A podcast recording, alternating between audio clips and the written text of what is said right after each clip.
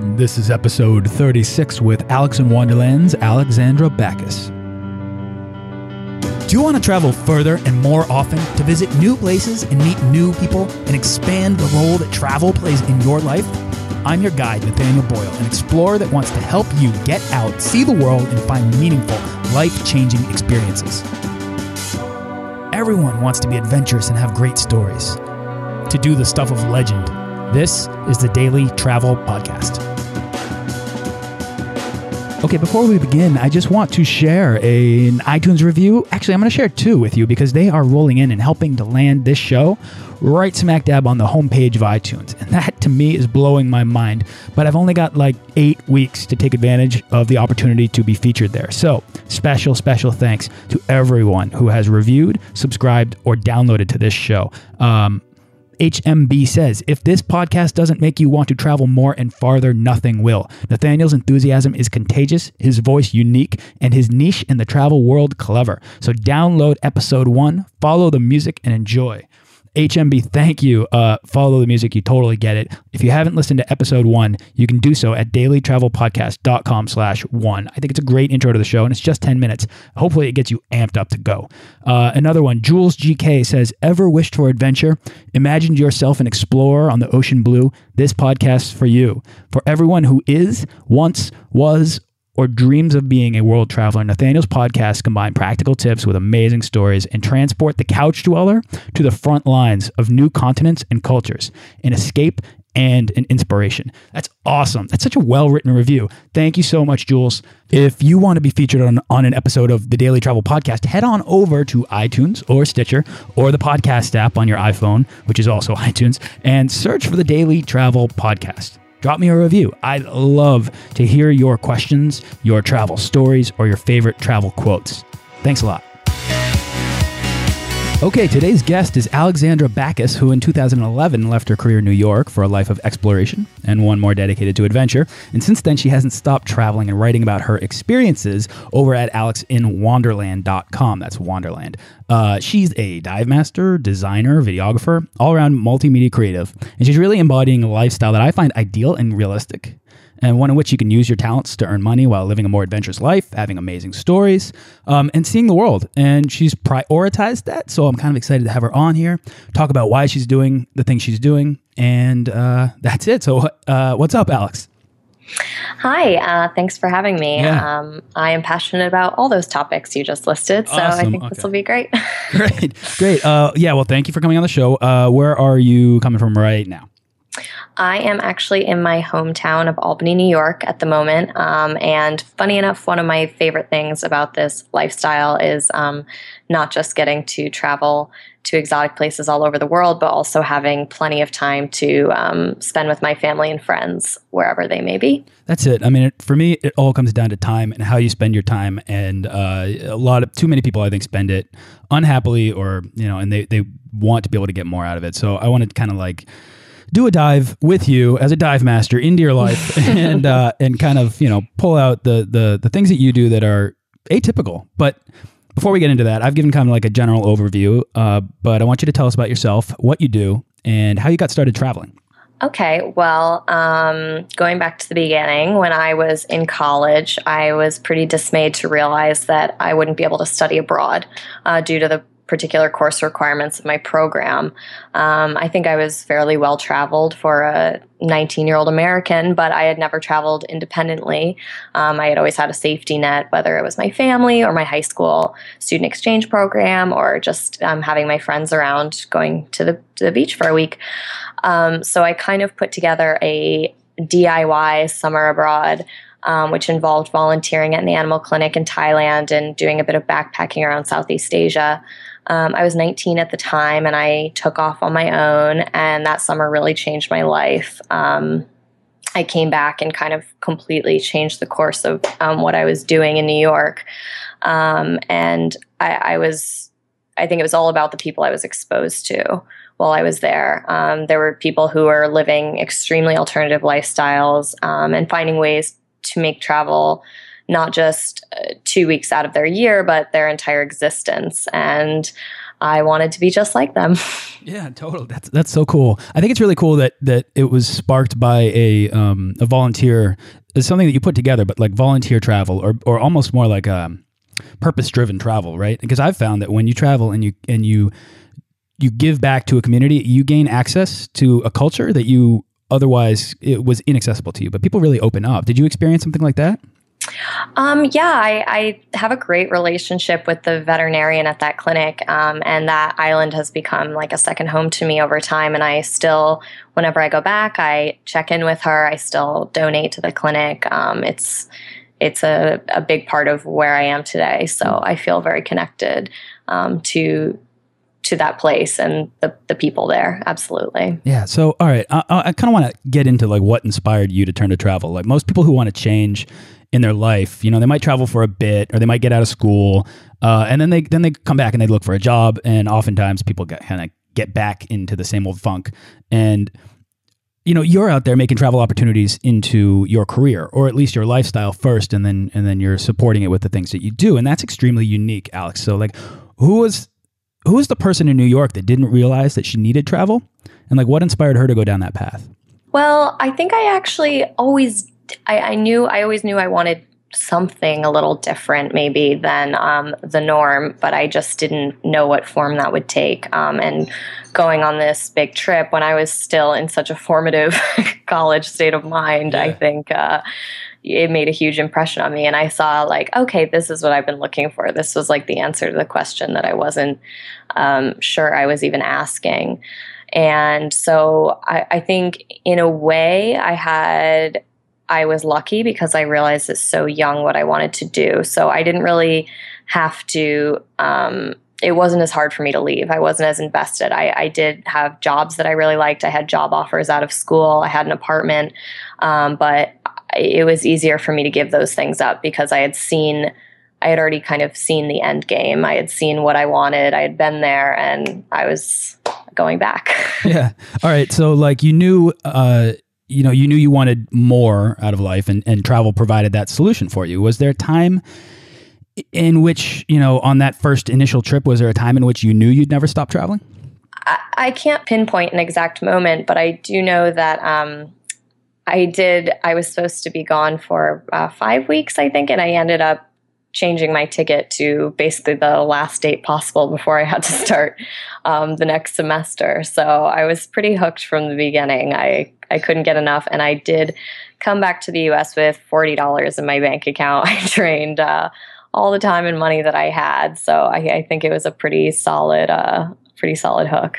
Yeah, I think a lot of people that come on the show and talk about kind of that first initial trip or or even just uh, eventually experiencing these new things, they very quickly realize that they need more. You know, you're never satisfied by a new experience. You only want something newer. And oh, yeah. it, it becomes like an addiction of sorts. Um, I mean, can you relate to that? Is that is that kind of how it how it started for you? Oh, yeah. I think the more you travel, the more you want to travel because um, everywhere you go, you meet someone who's just been to the most amazing place they've ever been. yeah. And they're really going to sell it to you. So um, I never, I think I'll never be done because every trip I go on, I come back with five new places that I absolutely must go to right away. Right. So, so talk about, talk about like you, you're out there and you've kind of, uh, I don't know, broken away from upstate New York. Is that where you were living at the time? Um, I'm originally from upstate New York, but I was uh, living. I went to school and was living in Brooklyn. In Brooklyn, okay. I mean, there's a lot going on in Brooklyn, right? Like, I think a lot of people aspire to live in a place as cool as Brooklyn, and there's plenty going on. But that didn't. That wasn't enough for you. Um, you know that it's true. I absolutely love New York. I miss it all the time. I'm lucky I still get to spend a lot of time there, but um, there's nothing quite like living there. And I did. I had a great apartment that I really loved. Um, I was working with uh, small businesses that I really loved. Um, some of them I'm still lucky enough to work with today. But I could see myself going down, you know, a, a path that I think would have actually made me really happy. I would have enjoyed living in the city and working a creative job um, and spending, you know, a lot of time with my friends and being so close to my family. But um, I think in the back of my mind, I always would have been restless. Um, in fact, I know that from experience. Uh, I I have something in me that keeps me moving. Itchy feet, I think. I think for sure. I think I, I, totally get that. I mean, and I, I guess I want to get into how you're able to keep going because I think you have some like really good insights into that, and I'm sure you get this all the time. So let me just ask the big question: How do you afford to live on the road? Well, I am what the kids these days would call a digital nomad. So I make my money pretty much all on the computer. Um, I do freelance writing, I do freelance graphic design, and I also earn money via advertising and partnerships on my travel blog, Alex Wonderland. Um, I occasionally also work on the ground in person jobs abroad, um, like I've done with underwater videography, um, bartending, you know, anything really overseas. But uh, I've done those in countries where the income is very small. So I am doing those more for fun and for a creative outlet and i'm i'm working online to actually pay my bills. Okay and now how did you kind of was this a plan or did you um uh did you kind of fall into this? Like did you did you have design skills? Did you have videography skills? Did you uh, study writing? Tell me about like how you decided that that could be a way that you could keep going. It was a pretty intentional path for me. I was um, in school for graphic design and I was working as a graphic designer. So, um, most of the people that I work with now, I only really have a select few graphic design clients that I still work with, and they are uh, clients that I've had for years since I was living in New York. So I'm really lucky that I was able to transition them into location independent jobs. Um, and when I realized that I was interested in writing as well, I was I still had some time left in New York. Um, and so I took a writing class, a travel writing class at NYU. Um, it was a great experience for me, and it helped me develop those skills into something now today that I get paid for. So that was a, a good investment. Yeah, yeah, totally. All right, and then talk about the different jobs that you've taken on location in different places around the world. So as soon as possible, as soon as I graduated, I moved back to that island in Thailand that I loved so much. Um, so that was in 2011, and I was absolutely working very hard to develop my web business, but it's a slow starter. I think anyone who runs a blog will tell you that you have to be willing to um, work unpaid for a fair amount of time. So I was pouring a lot of time and effort into it, but at the time it wasn't supporting me. So um, I picked up jobs handing out flyers to tourists, uh, bartending, babysitting, pretty much doing anything to just keep myself afloat out there and minimize my expenses. Um, and then I landed a really fun job doing underwater videography, which was fantastic because I had a background in um, in design and I had studied video editing and all the programs I needed to use. And I was also a pretty passionate diver, so it was a perfect fit for me. Yeah, I, I, think this is great. Uh, so, Alex, the, the, the, reason I'm really like intrigued and I'm pulling a lot of this stuff out is actually because we share a lot in common. And you don't know this, but um, I'm I'm also a graphic designer. I'm also a videographer. I studied video. I write. I uh, have also traveled and taken on you know bartending jobs, and I've done it. You know, and, and it works. It really does, and it's a great way to get out and, and extend your travel beyond the limitations of whatever your bank account is before you go.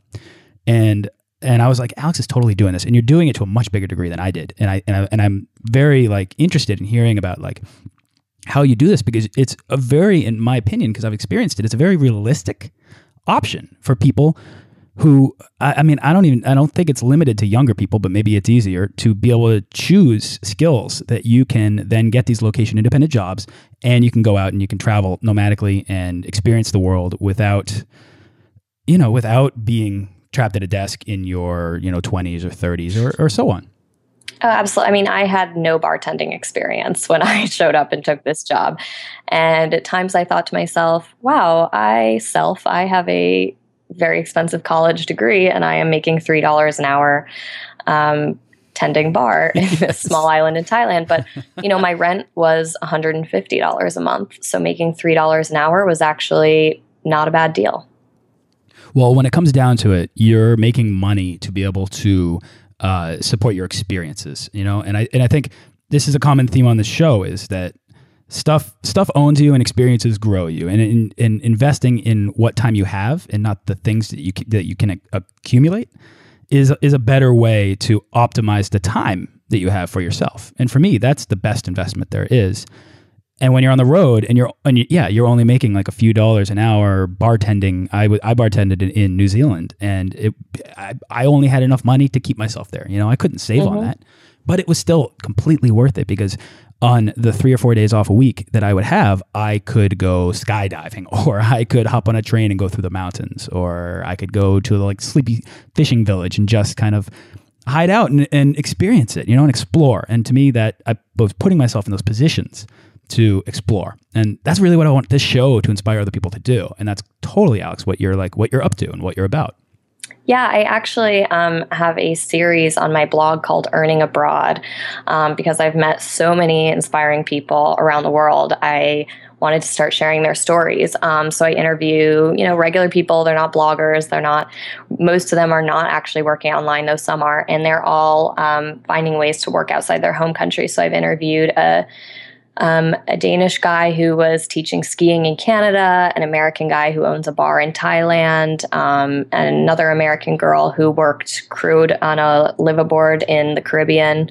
Um, so I think that I've loved that series, and I think it's been really inspiring. Yeah, I think a lot of people here listening might be thinking I can't do that or I don't have those skills, but like to your point neither of us had bartending skills before we took a bartending job in an amazing country and in amazing with amazing experiences all over the place. And I, I don't know. Can you give us some examples of earning abroad? Other other examples of people who are doing things that maybe aren't completely un uh, untouchable to somebody that doesn't have those skills. Well, actually, um, if you read the interview about the girl, the American girl who was working on a liveaboard in the Bahamas, she had absolutely zero experience with um, crewing, and they hired her based on you know her tenacity and trying to get the job. And they said, "All right, we'll teach you." Um, so I think she's a great example. Um, the person who is a ski guide, they um, took, you know, went to a guiding school, which is open to anyone. And after doing that short one month course, they landed a job as a, a ski guide. Um, I interviewed another girl who picked fruit in Australia. She grew up in uh, downtown London, so she certainly had no experience with that, but it helped finance her travels for over a year. So um, I think there is a lot to be learned from these people who are just ordinary travelers. So I would absolutely check that out. It's called Earning Abroad. I think yeah, it's great because especially if you if you get these experiences and you get a job and you work in a location, you meet the people there in a very authentic way and you hang out with them, you make you make friends with them and that's what births the best experiences out of travel. All right, Alex, so like what what's the most challenging place that you've ever been to? Well, I wouldn't say this was the destination's fault. Uh, this was more my own, the traveler's fault, but that would be northern Luzon in the Philippines. Uh, I mistook a dollar sign on a map for an ATM when it was actually a money changers. And I arrived with $80 to cover me for about five days of travel. So that oh. averaged out to. Wow around $16 a day to you know stay eat and entertain myself so it was a very interesting challenge. Yeah, absolutely. Actually, let's dive into that a little bit because you accidentally put yourself in a place with $80 for five days, that's $16 a day. And you're like, I have to make this. I have to make this work. I can't not make this work. So it's like that. That's a game changer, right? But I find that when you travel and you put yourself in these kind of uncomfortable experiences, you begin to watch yourself respond to them, and you can very quickly notice that you become the best version of yourself when you have to when you have to do that. So, what did you? How did you make sixteen dollars a day work for you in the Philippines? Well, the good thing is that the Philippines is a very budget friendly destination, especially in northern Luzon, which is pretty remote. Um, but there was, when I realized this, I was on the bus. Um, there was one other traveler, Westerner there, and I approached him right away and said, Hey, want to share a hotel room and hike together? You know, most people go to that region to trek um, to the rice paddies. And luckily, he agreed. So I split my accommodation costs in half by uh, splitting with a stranger, which is a little outside my comfort zone, but that was okay. Um, and then we would do things like hitchhike or walk instead of taking buses. Um, and we we ate in cheap local places and you know luckily i found someone who was willing to to play along, um, and it, it was a fun challenge. Are you still friends with that stranger? No, actually, it was, you know, we were travel buddies for a couple days and then we went our separate ways. And uh, yeah, it was a, a great experience. I think it's amazing how you can meet people on the road and they can be your best friend for 24, 48 hours. And you can connect, share things, have these amazing life changing experiences, these stories that you'll never forget and you'll always tell. And then you never see these people again. Oh, yeah. It was, I mean, we couldn't have been more different. He was actually a British um, military contractor on break from Afghanistan. And I was, you know, this little teeny bopper. So we were a funny pair. That's amazing. No money, like no luxury, uh, living with a stranger for five days, completely outside your comfort zone.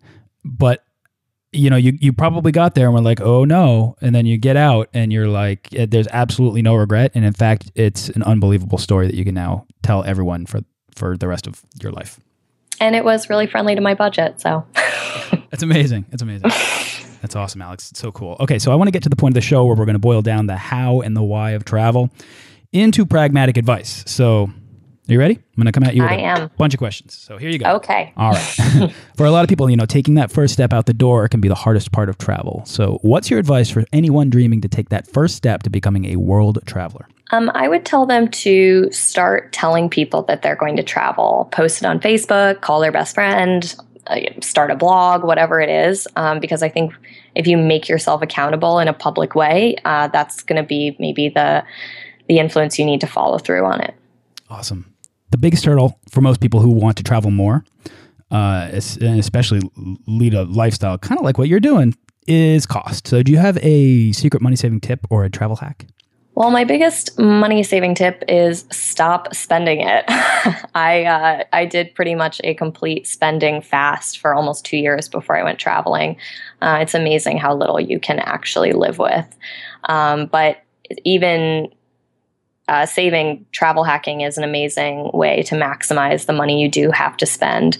Um, and so, my biggest tip there is do not ever, ever, ever fly without signing up for that airline's frequent flyer program. Um, you know, they're all free, so there's no reason not to do it. And you might not think you're ever going to fly with that airline again, but you have no idea what direction your life is going to take. And I just want to cry sometimes when I think of all the points that I left on the table by not being rigorous about frequent flyer programs sooner in my life. Absolutely. That is straight up my first tip for anybody that's like, I think I'm going to go travel around the world. And it's like, get a frequent flyer account now. Don't. Oh my God. I, I think we need to like start telling high schoolers. we need to get this information out there. Oh God. It's a, it's a PSA. Yeah. All right, we'll do that. We'll do that next. Uh, there are so many flight search tools out there. So, what's your process for finding the cheapest airfare? I always check Skyscanner and Kayak. Those are two that I found myself somewhat loyal to. And I always just set up a travel alert, watch the flight for a while. Um, and if it's domestic, I always, always check Southwest because they don't um, advertise their fares on any search engines. Absolutely. I've been flying Southwest a whole lot this year, just just domestically. Uh, packing, Alex, is easily my least favorite part of travel. Do you have any advice to help people pack better? Yes, get packing cubes. Um, I just started using Eagle Creek packing cubes for this most recent um, trip I took through South America, and I am obsessed with them. They kept me so organized. They made unpacking and repacking so much easier, and um, you know I didn't have to explode my entire bag to ha- to find the one T-shirt that I wanted to wear on a particular day. It's amazing how many people have recommended the Eagle Creek packing cubes. They are the most popular thing on this show. It's it's it's starting to blow my mind. They're a game changer, yeah. Amazing. All right. Do you have a favorite internet travel tool or resource? There's a website I recommend, I find myself recommending to almost everyone I know, which is travelfish.org. It's just the most amazing resource available for Southeast Asia travel. Um, if you're heading to that region, you're going to find yourself on that site. Uh, I just find myself wishing there was an equivalent for everywhere in the world that I want to go. Yeah, that's so cool. I haven't heard of Travelfish. I'm going to check that out. Uh, all right. Do you have a favorite travel book or a book that has inspired your travels? I read a lot of travel books, so that is a tough question. But um, I think I have a I have a beaten up old copy of a book called Wanderlust, um, and I read it over and over again. It's an anthology of short stories and memoirs, um, all travel related, and it was edited by Don George, and there's a forward by Pico Iyer, so it never gets old. yeah, you read you read a that's forward by. Pico Iyer, and then you're going to be hooked. Yeah, that's amazing. And if you haven't already, you can get this book or any book mentioned on this show for free from audible.com by going over to freetravelbook.com. So check that out. All right. Do you have a, uh, a favorite piece of travel gear that you take everywhere you go? It might be the packing cubes. I would actually say um, my SteriPEN. It is. It allows you to. Um, use, it's a UV light that allows you to sterilize water. Um, so it you know it allows me to save money and reduce my plastic guilt by drinking tap water all over the world. That's that's pretty amazing. So how do how do those work? Do you just shine it on the water? I've never used them, but I've seen them. Um, it's a really technical process called science magic, and I, which is my way of saying I have no idea. I have no idea but- either. But all right, so it's so so it's a magic pen, and you, you you press a button and you have to kind of agitate the water with it, and then it's safe to drink. Oh, that's cool. All right, what's the weirdest thing you've ever eaten? Um, you know, I don't really eat weird stuff. I'm, I'm not very adventurous when it comes to food, to be totally honest with you. Um, Travel hasn't shaken you up in that way. Well, I ate I ate ants once. Is that we- I? I don't think that would get me onto the Food Network anymore these days. But No, you're not. You're not in the Andrew Zimmern class of eating very strange intern internal parts of animals. But ants is something that I'm going to go ahead and guess most people on the show have not had. Okay, well then there's my answer. Ants. All right, were they were they like covered in chocolate or anything? No, they were actually um, they were alive, which is kind of Oh. gross, but they were like very small, very very small ants. I was on a jungle trek. Come on, and, Alex, uh, you got to give yourself some credit here. Live ants is pretty weird. oh well, thank you. Awesome. I'm honored. There you go. Yeah, totally. Is there anything else uh, you know you'd like to share before we wrap up here? Um, well, you can always find me on my blog, Alex Wonderland, or my Facebook page or Instagram by the same name. Um, I spend a lot of time hanging out there and talking to other travelers, so I would love to meet any of you listening today. Yeah, reach out to Alex. She's super cool. Uh, what's next for you? Where's your next trip? Like, what's your next project? Um, well, I this just this weekend I'm going to New Jersey for a diving conference to talk about the um, influence uh, Dive Master Grant had on me. And uh, my next major international trip is going to be to Europe this summer. Awesome. Uh, do you, where in specific? Um, I am heading to London to visit some old friends, Malta to visit another friend, and Belgium to go to the Tomorrowland Music Festival. Oh wow, that'll be great. Are these friends that you've met like while traveling on the road? Yeah, they actually all are. I have Isn't a that pretty great network around the world now. Yeah. Yeah, the more you go, the more you, the more you get these people, and it's like, oh, hey, come visit me someday, and then you do, and you just you find like you never run out of places to go, people to stay with, amazing experiences to have. So, Alex, thanks so much for coming on the show. Uh, best of luck with your travels. Have fun at your conference, and uh, you know I, I'd love to have you back on sometime. Um, check her out at alexinwonderland.com. Uh, hit up the show notes if you want to read about her earning abroad thing uh, series. And uh, yeah, and and if, and if you want to learn more about how you can kind of like perpetuate your travels or live a digital nomad experience, uh, you know, follow her, check her out. Okay. Thanks, Alex. Thanks so much. Bye. Thanks for listening to this episode of the Daily Travel Podcast. For show notes and links to everything in this episode and more, head on over to dailytravelpodcast.com. Join our Facebook page of explorers and subscribe to our newsletter for the best deals and resources to help make your next trip life changing.